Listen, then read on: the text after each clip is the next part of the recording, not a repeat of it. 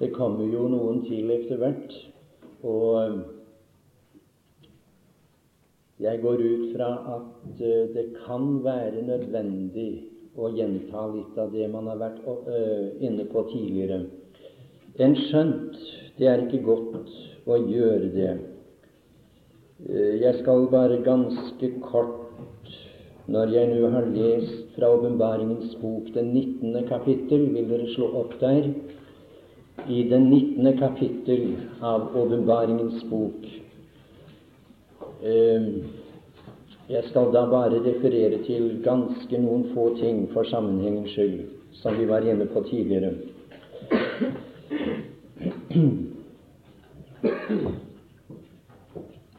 Fra vers 4 i Jesu navn.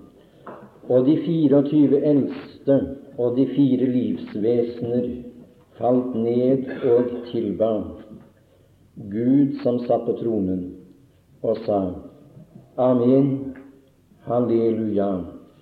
Og en røst gikk ut fra tronen som sa Lov vår Gud, alle i Hans tjenere, og de som frykter Ham, både små og store. Og jeg hørte like som en lyd av en stor skare, og som en lyd av mange vann, og som en lyd av sterke tordner, som sa, Halleluja, for Gud Herren, den allmektige, er blitt konge. La oss glede og fryde oss og gi ham æren, for lammets bryllup er kommet og hans brud har gjort seg rede. Og det er henne gitt å kle seg i rent og skinnende fint lin. For det fine lin er de helliges rettferdige gjerninger. Og han sier til meg, skriv, salige er de som er innbudt til lammets bryllupsnadvær. Og han sier til meg, dette er Guds sanne ord. Amen.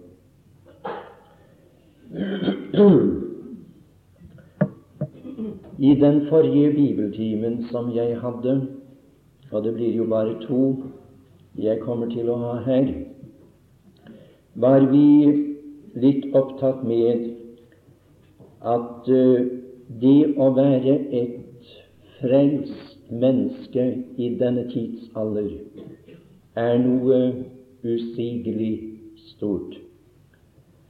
Og det har vært min bønn, og det er mitt ønske og min bønn fremdeles, at når du reiser hjem fra denne bibelkonferanse, så må du se større på det å være en troende enn du gjorde da du kom hit kunne det lykkes for Guds ånd å vise oss disse rikdommer, eh, så det virkelig ble erkjent i våre hjerter, så ville meget være vunnet. Det er ingen tvil om.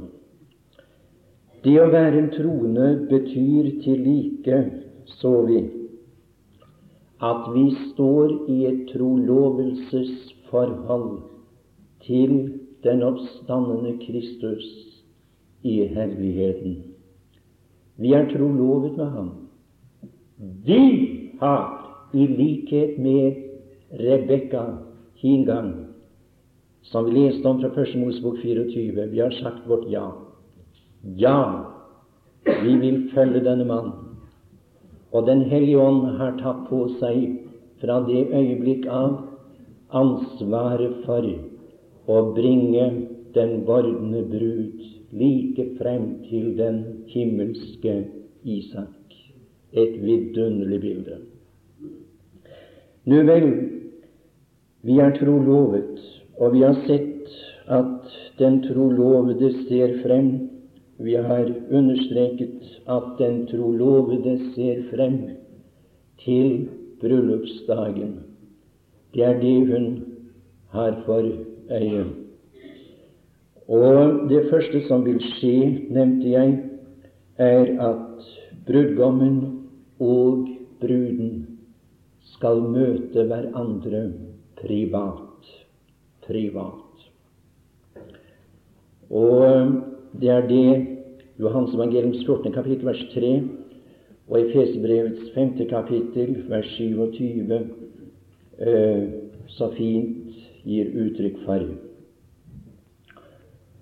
Nå i dag skal vi også skrive et romertall for ordens skyld, og det blir da romertall to. Romertall to. Der skriver vi bare det ene ordet bryllupsfesten. Bryllupsfesten.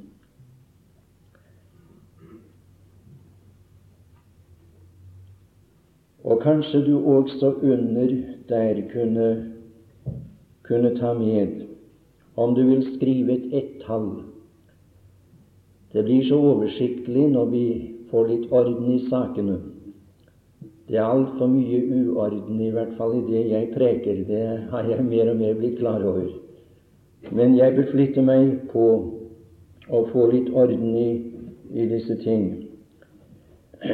Ved Kristi synlige gjenkomst vil bryllupet få en offisiell karakter. Det er meget viktig å være klar over.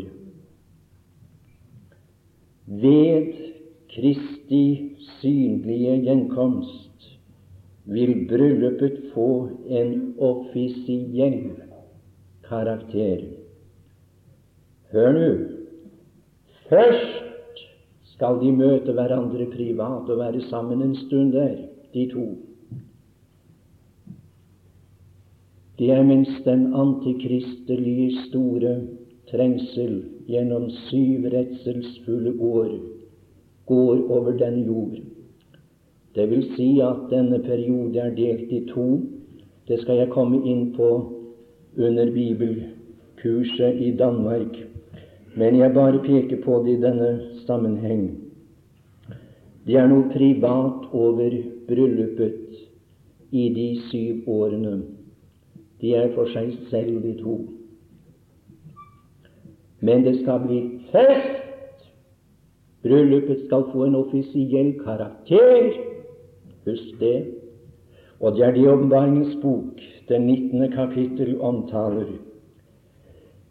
Det er der vi får høre at Kristus er blitt konge.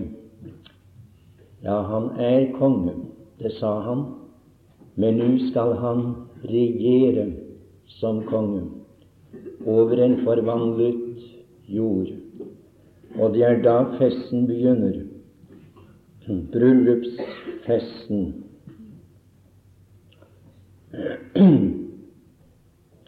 Skal vi skrive totall? Jeg må nok prøve å si det kort og konsist, for jeg ser at tiden vil bli for knapp. Eh, når jeg tenker på hva jeg egentlig ville ha sagt om disse ting. Der skriver vi gjestene, ganske enkelt gjestene. Det vil være gjester i det bryllup mine tilhører. De vil være gjester i det bryllup.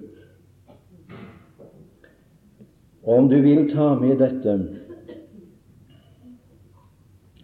Ja, La meg få lov å spørre hvem tror dere vil være gjester ved lammets bryllup? Kan du tenke litt over det nå? Skal ikke bare ha noe svevende for oss her, men vi, vi skal ha stoff for oss som krever at du engasjerer din tanke at, at din tanke er engasjert i disse tingene. Hvem vil være gjestene i lammets bryllup? Ja, så langt jeg kan forstå, så er det det som er omtalt her i det niende vers Det er ikke bruden. Men hør nå, vers 9, se på det, og han sier til meg, skriv. Her er det diktat. Her er det diktat. Legg merke til det. Salige er de som er innbudt til lammets bryllupsnadverd Det er altså med andre ord selve festen, bryllupsfesten. Og han sier til meg, dette er Guds sanne ord, de som er innbudt. Hvis du vil, hvis du vil skrive dette, så skal du få anledning til det. Eh, vi må ikke forveksle bruden med gjestene, for det er to forskjellige ting i et bryllup. Hør nå, jeg har selv holdt bryllup, og det, det, det er jeg ganske overbevist om. Det var ingen som, som tok feil av, av bruden og gjestene. Nei, ikke en eneste. Bruden er ikke blant de innbudte. Men det er noen som er blant de innbudte. Det er noen som er gjester i bryllupet. Og jeg gjentar spørsmålet hvem er det? Hvem er det? Ja, jeg tror du må skrive dette også. De gammeltestamentlige hellige og de som blir frelst under den antikristelige trengsel, vil være gjester ved lammets bryllup. Jeg skal si det en gang til, og jeg er ikke interessert i at skal holde en pen og fin bibeltime eller et foredrag. Jeg er interessert i at du kan få fatt på noe her. Og hvor det hvor, ja, dere må unnskylde meg, dere eldre, hvor jeg skulle ønske at jeg hadde hatt for meg en, en forsamling av, av riktig unge troende, og at Herren fikk låne deres øre litt nå. Å, hvilket perspektiv som skulle åpne seg for dem. Men det, det, det er ikke det at jeg undervurderer dere, på ingen måte. Men de unge trenger det i dag. For det er så mye lettkjøpt.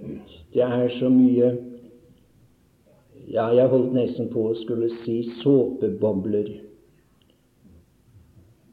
Så når de kommer ut, så vet de faktisk ikke noe av det de har behandlet i møtet. Du vet hvordan det er med såpeboblen. Den kan bli veldig svær. Men plutselig der er den sprukket. Det er ikke noe mer igjen. Ja, jeg vil betegne mange av de møter som holdes for ungdom i dag, for å være noe lignende. Og hør, der skal være gjester ved lammets bryllup. Hvem er det du inviterer når du holder bryllup? Hør nå. Hvem er det du skriver invitasjonskort til når du skal holde bryllup, far og mor, som har en datter eller har hatt en datter som har stått brud. Hvem er det du sender beskjed til, eller rettere invitasjon til? Er det ikke de nære slektninger? Er det ikke, er det ikke venner som får invitasjon? skal vi lese fra Johannes evangelium og det tredje kapittel. tredje kapittel av Johannes evangelium og det 29. vers. Tredje kapittel, vers 29. Jeg vil si det slik det står i hvert fall sånn for meg at dette er en antisipasjon av det som vi leser om i Åpenbaringens bok, det 19. kapittel. Altså, det er like som at uh, det blir behandlet før det egentlig står for tur, om jeg tør uttrykke meg på denne måten. Jeg tror det er riktig. Uh, det er uh, det er sagt her Se nå på dette, og merk deg dette stedet. Den som har bruden, han er brudgommen. Men brudgommens venn Hvem er det? Det er i dette tilfellet døperen Johannes. Brudgommens venn som står og hører på ham, gleder seg storlig over brudgommens røst. Denne min glede er nå blitt fullkommen. Eh, døperen Johannes, så langt jeg kan se, representerer de gammeltestamentlige hellige her. Og du husker at Abraham ble en gang kalt Guds venn. Guds venn. Det er den høyeste tittel som vi finner på en troende i Det gamle testamentets tid, i den gamle pakts tid. Guds venn. Man inviterer vennene og nære slektninger når man holder bryllup. Og jeg tror vi talte om det forresten, en venn av meg og jeg i går. Hvilket forhold skal de gammeltestamentlige troende innta i evigheten til Kristus og til menigheten? Ja, her, her tror jeg du har svaret. De skal være gjester. De skal sitte til bords, sier Bibelen. Vi har da orden på tingene. Her skulle vi så tro at Gud, som, ikke, som det står om, han er ikke uordens Gud, at han ikke skal ha orden på disse tingene. Og du kan være ganske rolig. Jo, han skal plassere. Bruden, det er menigheten. Det er legemet. Gjestene er de gammeltestamentlige troende, og jeg tror også de som blir frelst i trengselstiden.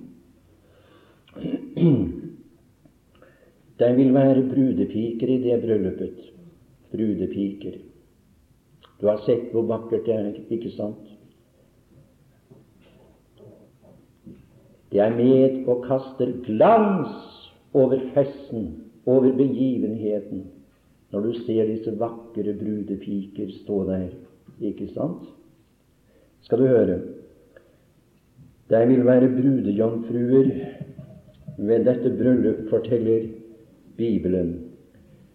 Og vi skal lese Matteus evangeliums 25. kapittel, og fra de fra det første vers der. Matteus evangelium, det 25. kapittel, fra vers 1.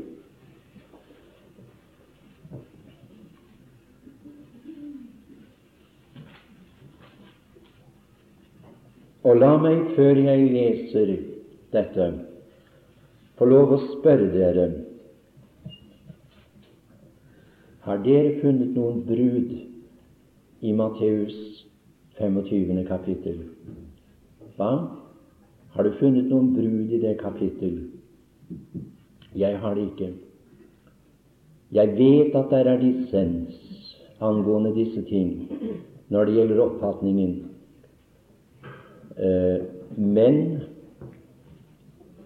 og jeg skal være ytterst forsiktig med oss å, uttale noe kategorisk å være skråsikker. Jeg akter ikke å være det, men jeg bare presenterer mitt syn, det jeg har fått erkjent av det profetiske ord i denne sammenheng.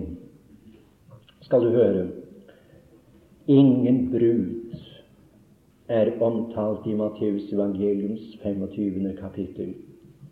men det forutsettes at bruden er der. For uten brud in, intet bryllup, naturligvis. Bruden må være der for at det skal bli bryllup. Og sammenhengen, om jeg kan nevne det for dere som er interessert, og det håper jeg dere alle er, jeg vet at det er noen som er spesielt interessert i disse tingene. Det har jeg observert når jeg har talt med forskjellige disse dagene. Eh, la meg nevne for deres del at det betyr meget at man leser sammenhengen her i Matteus evangelium, spesielt det 24. og 25. kapittel. Og i disse såkalte synoptiske evangelier, altså Matteus, Markus og og Lukas, eh, der finner du ikke noen omtale av det private møtet mellom brudgommen og bruden. Men der finner du at Kristus skal komme synlig og åpenbart til denne verden. Det er den offisielle karakter som her er fremstilt. Og vi ser at trengselen i dens og dens gru beskrives i det 24. kapittel. Og så følger dette Da skal himlenes rike være å ligne med ti jomfruer som tok sine lamper og gikk ut for å møte brudgommen. Eh, det er flere som oversetter det på en litt annen måte her i Matteus 25, eh, bl.a. Moffat, og det er noen andre Jeg kan ikke huske det. Du, Berg-Hansen, kjenner godt til og Kjelle. Men det står slik De gikk ut for å møte brudgommen og bruden. Brudgommen og bruden.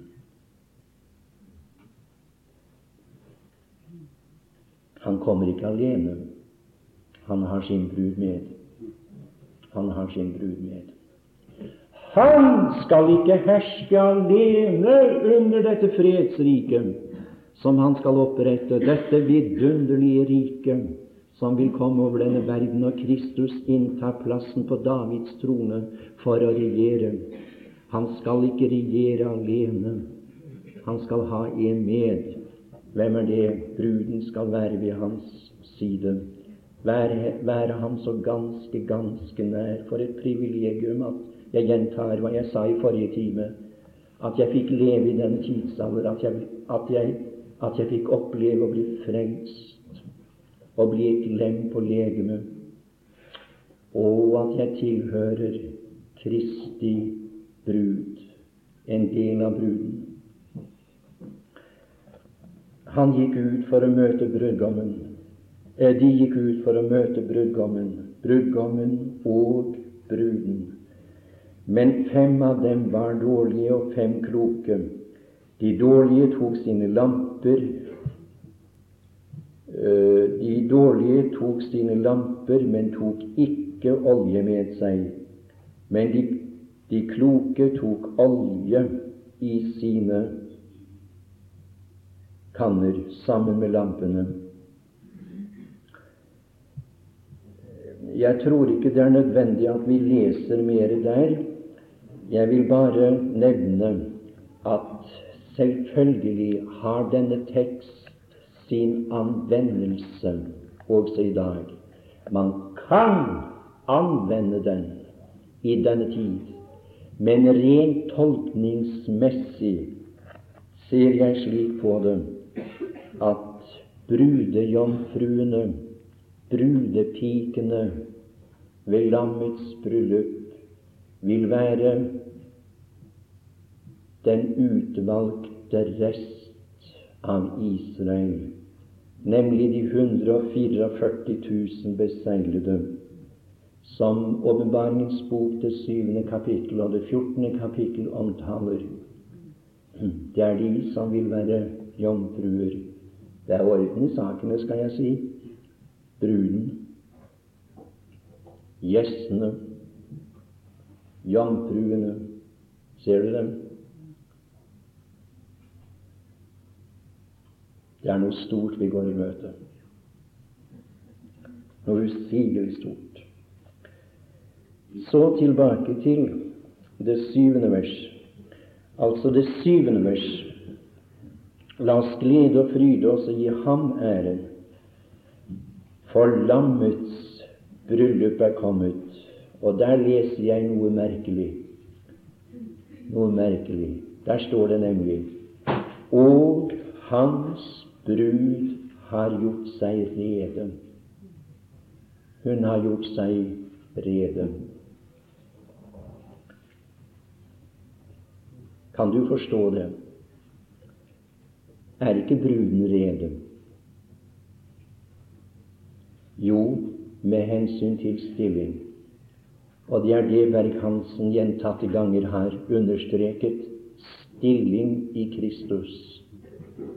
Og Landro nevnte det i går aftes. Det å være i Kristus. Å være identisk med Kristus. I Ham er jeg rede til enhver tid. Og, og jeg skal berøre det litt etter hvert nå. Men la meg bare få lov å nevne at her er det tale om å være rede i moralsk henseende. I moralsk henseende. Og det, for å være personlig, har vært min bønn og mitt ønske at jeg ikke bare må være rede med hensyn til stilling når den Herre Jesus henter meg opp, og han, og han skal fremstille meg i herlighet. Jeg må også være rede i moralsk henseende som en trone. Og det håper jeg må bli resultatet av disse betraktninger. At vårt liv måtte tale mer om ham. At han fikk bygge opp en karakter i oss. Det er det vi skal finne igjen når vi en dag skal åpenbares med ham. Husk det. Det er en viktig side av saken.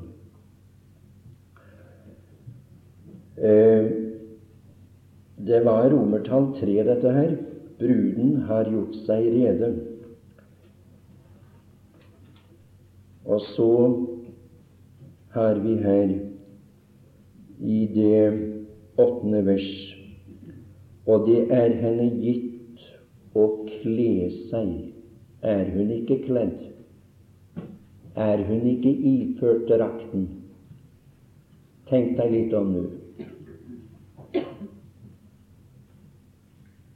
Er hun ikke rede? Jo visst er hun det.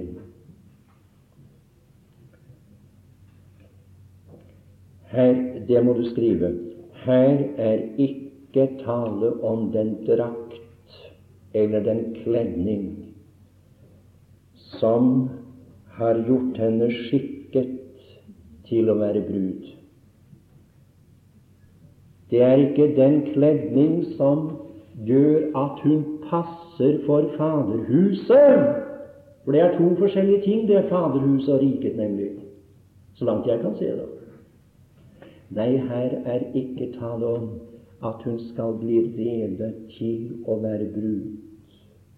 Det er hun på grunnlag av at hun er ikledd den beste drakt, den beste kledning. Lukas evangeliums 15. kapittel og 22 forteller meg at jeg ble iført den drakten da jeg som 14 års gammel gutt Ja, jeg har uttrykt det slik så mange ganger. Men hvem må ikke ofte snakke om det som har opplevd å bli født på ny? Den dagen jeg falt ned for Herrens føtter og sa, Herre Jesus, frels meg. Frels meg! Og far leste fra den slitte bibelboken sin om Kristi blod, som utsletter all synd. Den dagen, min tilhører, og det øyeblikk ble jeg iført den beste kledning. Fra det øyeblikk har jeg stadig uavbrutt vært rede og passende og skikket for Faderhuset. Det er ikke noe jeg skal bli. Jeg er ikke på vei til å bli rede. Nei, jeg er det. Iført kledningen, drakten. Men der er en annen kledning, og det må du også få med.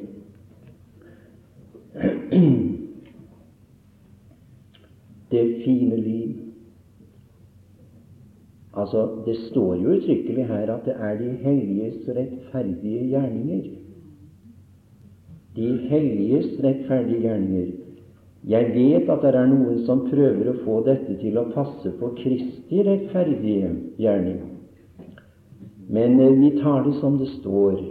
Vi prøver ikke å forandre på det for å få det til å passe etter vårt syn. Vi tar det som det står. Vi tror som det står. Og så får vi som det står. Skal du høre? Les nå igjen. Det fine lin er de rettferdiges Unnskyld, de helliges rettferdige gjerninger. Det er den drakt, skriv det, det er den drakt bruden skal bære i regjeringstiden. Det er den drakt bruden skal bære, være iført i, i, i regjeringstiden. Da skal hun ha en kledning.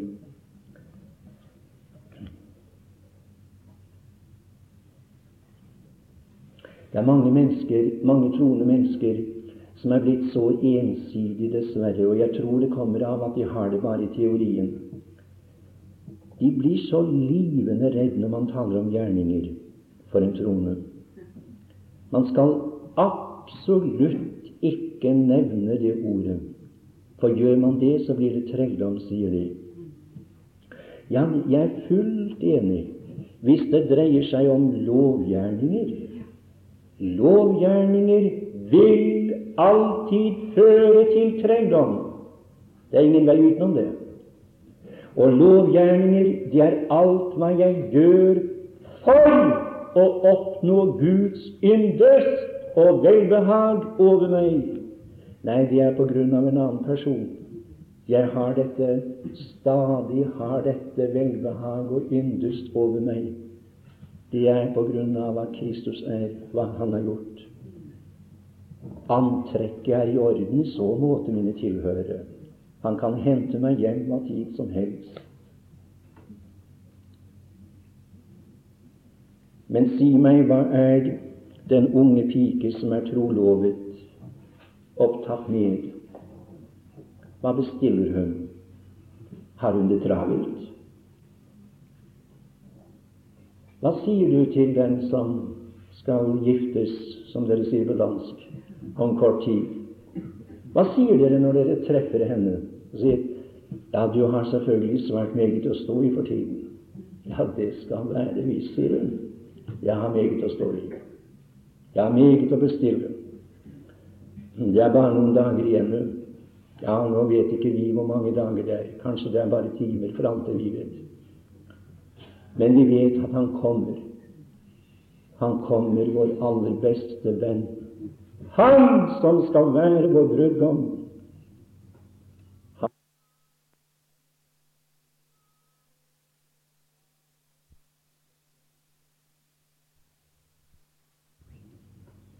Han som vi er trolovet med, som vi har sagt vårt ja til, som vi har pleiet samfunn med gjennom Guds ord gjennom mange år, mange av oss.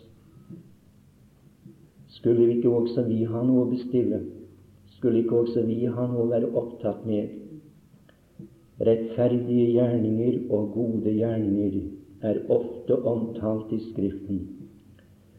Og det var det vi skulle være opptatt med. Bruden, hun, Hun har det travelt med å lage i stand brudeutstyret, ikke sant? Brudeutstyret. Brudeutstyret. Og hun syr, og hun broderer, og hun hekler, og hun samler! Hvor mange ganger hørte jeg ikke at de sa 'Hvilket mønster samler du på?' Ja? Hvilket mønster i sølv eller andre kostbare eh, materialer? Hva er det du samler på? Vil ha mer av det der. der. Samme mønster. Jeg liker det mønsteret. Jeg tror han liker det. Vi er blitt enige om at det er det beste mønster, så vi vil ha mer av det. Hvis du vil gi meg en gave, sier du, så husk mønsteret. Vi samler. Samler du, min venn? Å, jeg retter spørsmål til meg, hvilket jeg har gjort på mine kne før i dag. Samler jeg? Samler jeg? Hvilket mønster samler jeg på? Er det gull og sølv og kostelige stener? Er det dette som skal være med og danne regjeringsdrakten min? Hva samler du på? Gode gjerninger. Ikke av gjerninger, men til gjerninger. Legg merke til det. Ikke frelst av gjerninger, erklærer Efeserbrevets andre kapittel gjentatte ganger, men det er skapt i Kristus Jesus til gode gjerninger. Og Han forløste oss for at vi skulle være nidkjære til gode gjerninger. Gode gjerninger.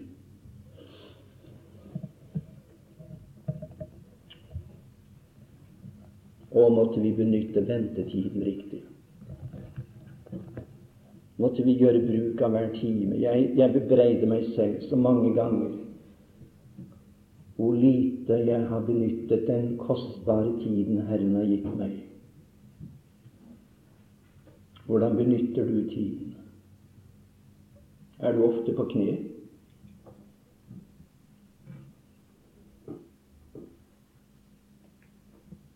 Det er godt å være på kne. Det er en god plass, det.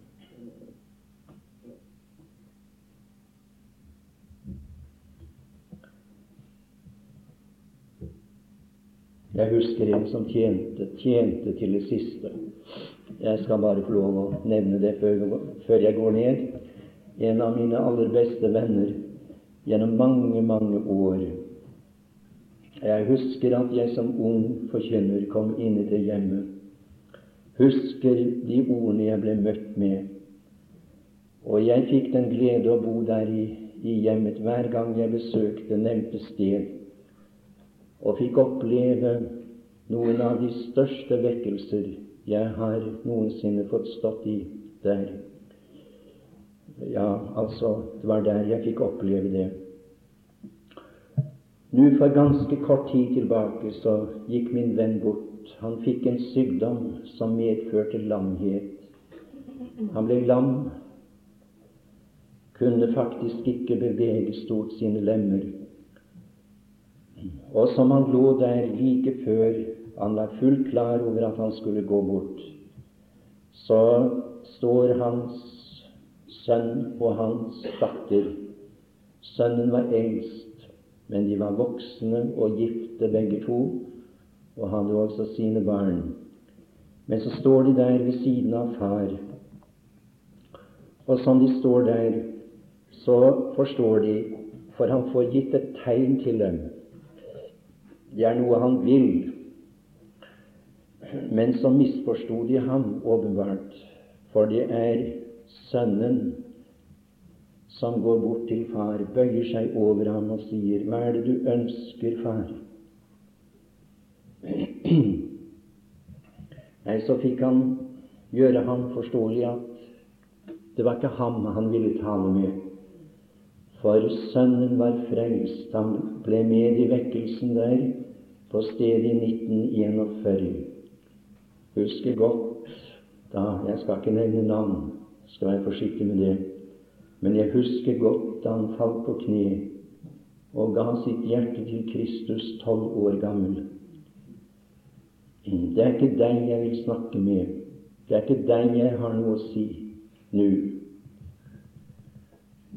Men så, så gikk hans søster bort. Hun var ikke frelst. Hun var blitt bedt for fra hun var ganske liten av, siden far og mor ble omvendt. Nå var hun som sagt gift og hadde selv barn, og hun var ofte synlig påvirket av Guds ånd. Men hun hadde stått imot, stått imot, kjempet imot Guds kall. Og så bøyer, bøyer hun seg over far. Er det meg du vil tale med? Er det meg du vil si noe? Ja, det var åpenbart det. Han kunne jo ikke si noe. Men så gjorde han bare sånn. Han fikk samlet sine siste krefter, holdt jeg på å skulle si, slik at han fikk den hånden, sånn som dette her. Så ble han liggende sånn en stund, og så så han opp i sin kjære datters øyne. Det er det jeg vil. Det er det jeg vil. Det er det som er mitt høyeste ønske. Jeg vil se deg der. Jeg vil ha deg med, forstår du? Ja, du vet det. Du vet det. Vi har talt om det før så mange ganger. Du har vært nær. Han tjente til det siste. Og jeg tror det skal bli vanskelig for denne kvinnen å komme den hånden forbi, den pekefingeren der. Hva bestiller du i ventetiden, min venn? Hva er du opptatt med? Samler du? Vår Gud. Vi nærmer oss tronen i Sønnens verdige navn. Det er som din elskede sønn kommer. Å Herre,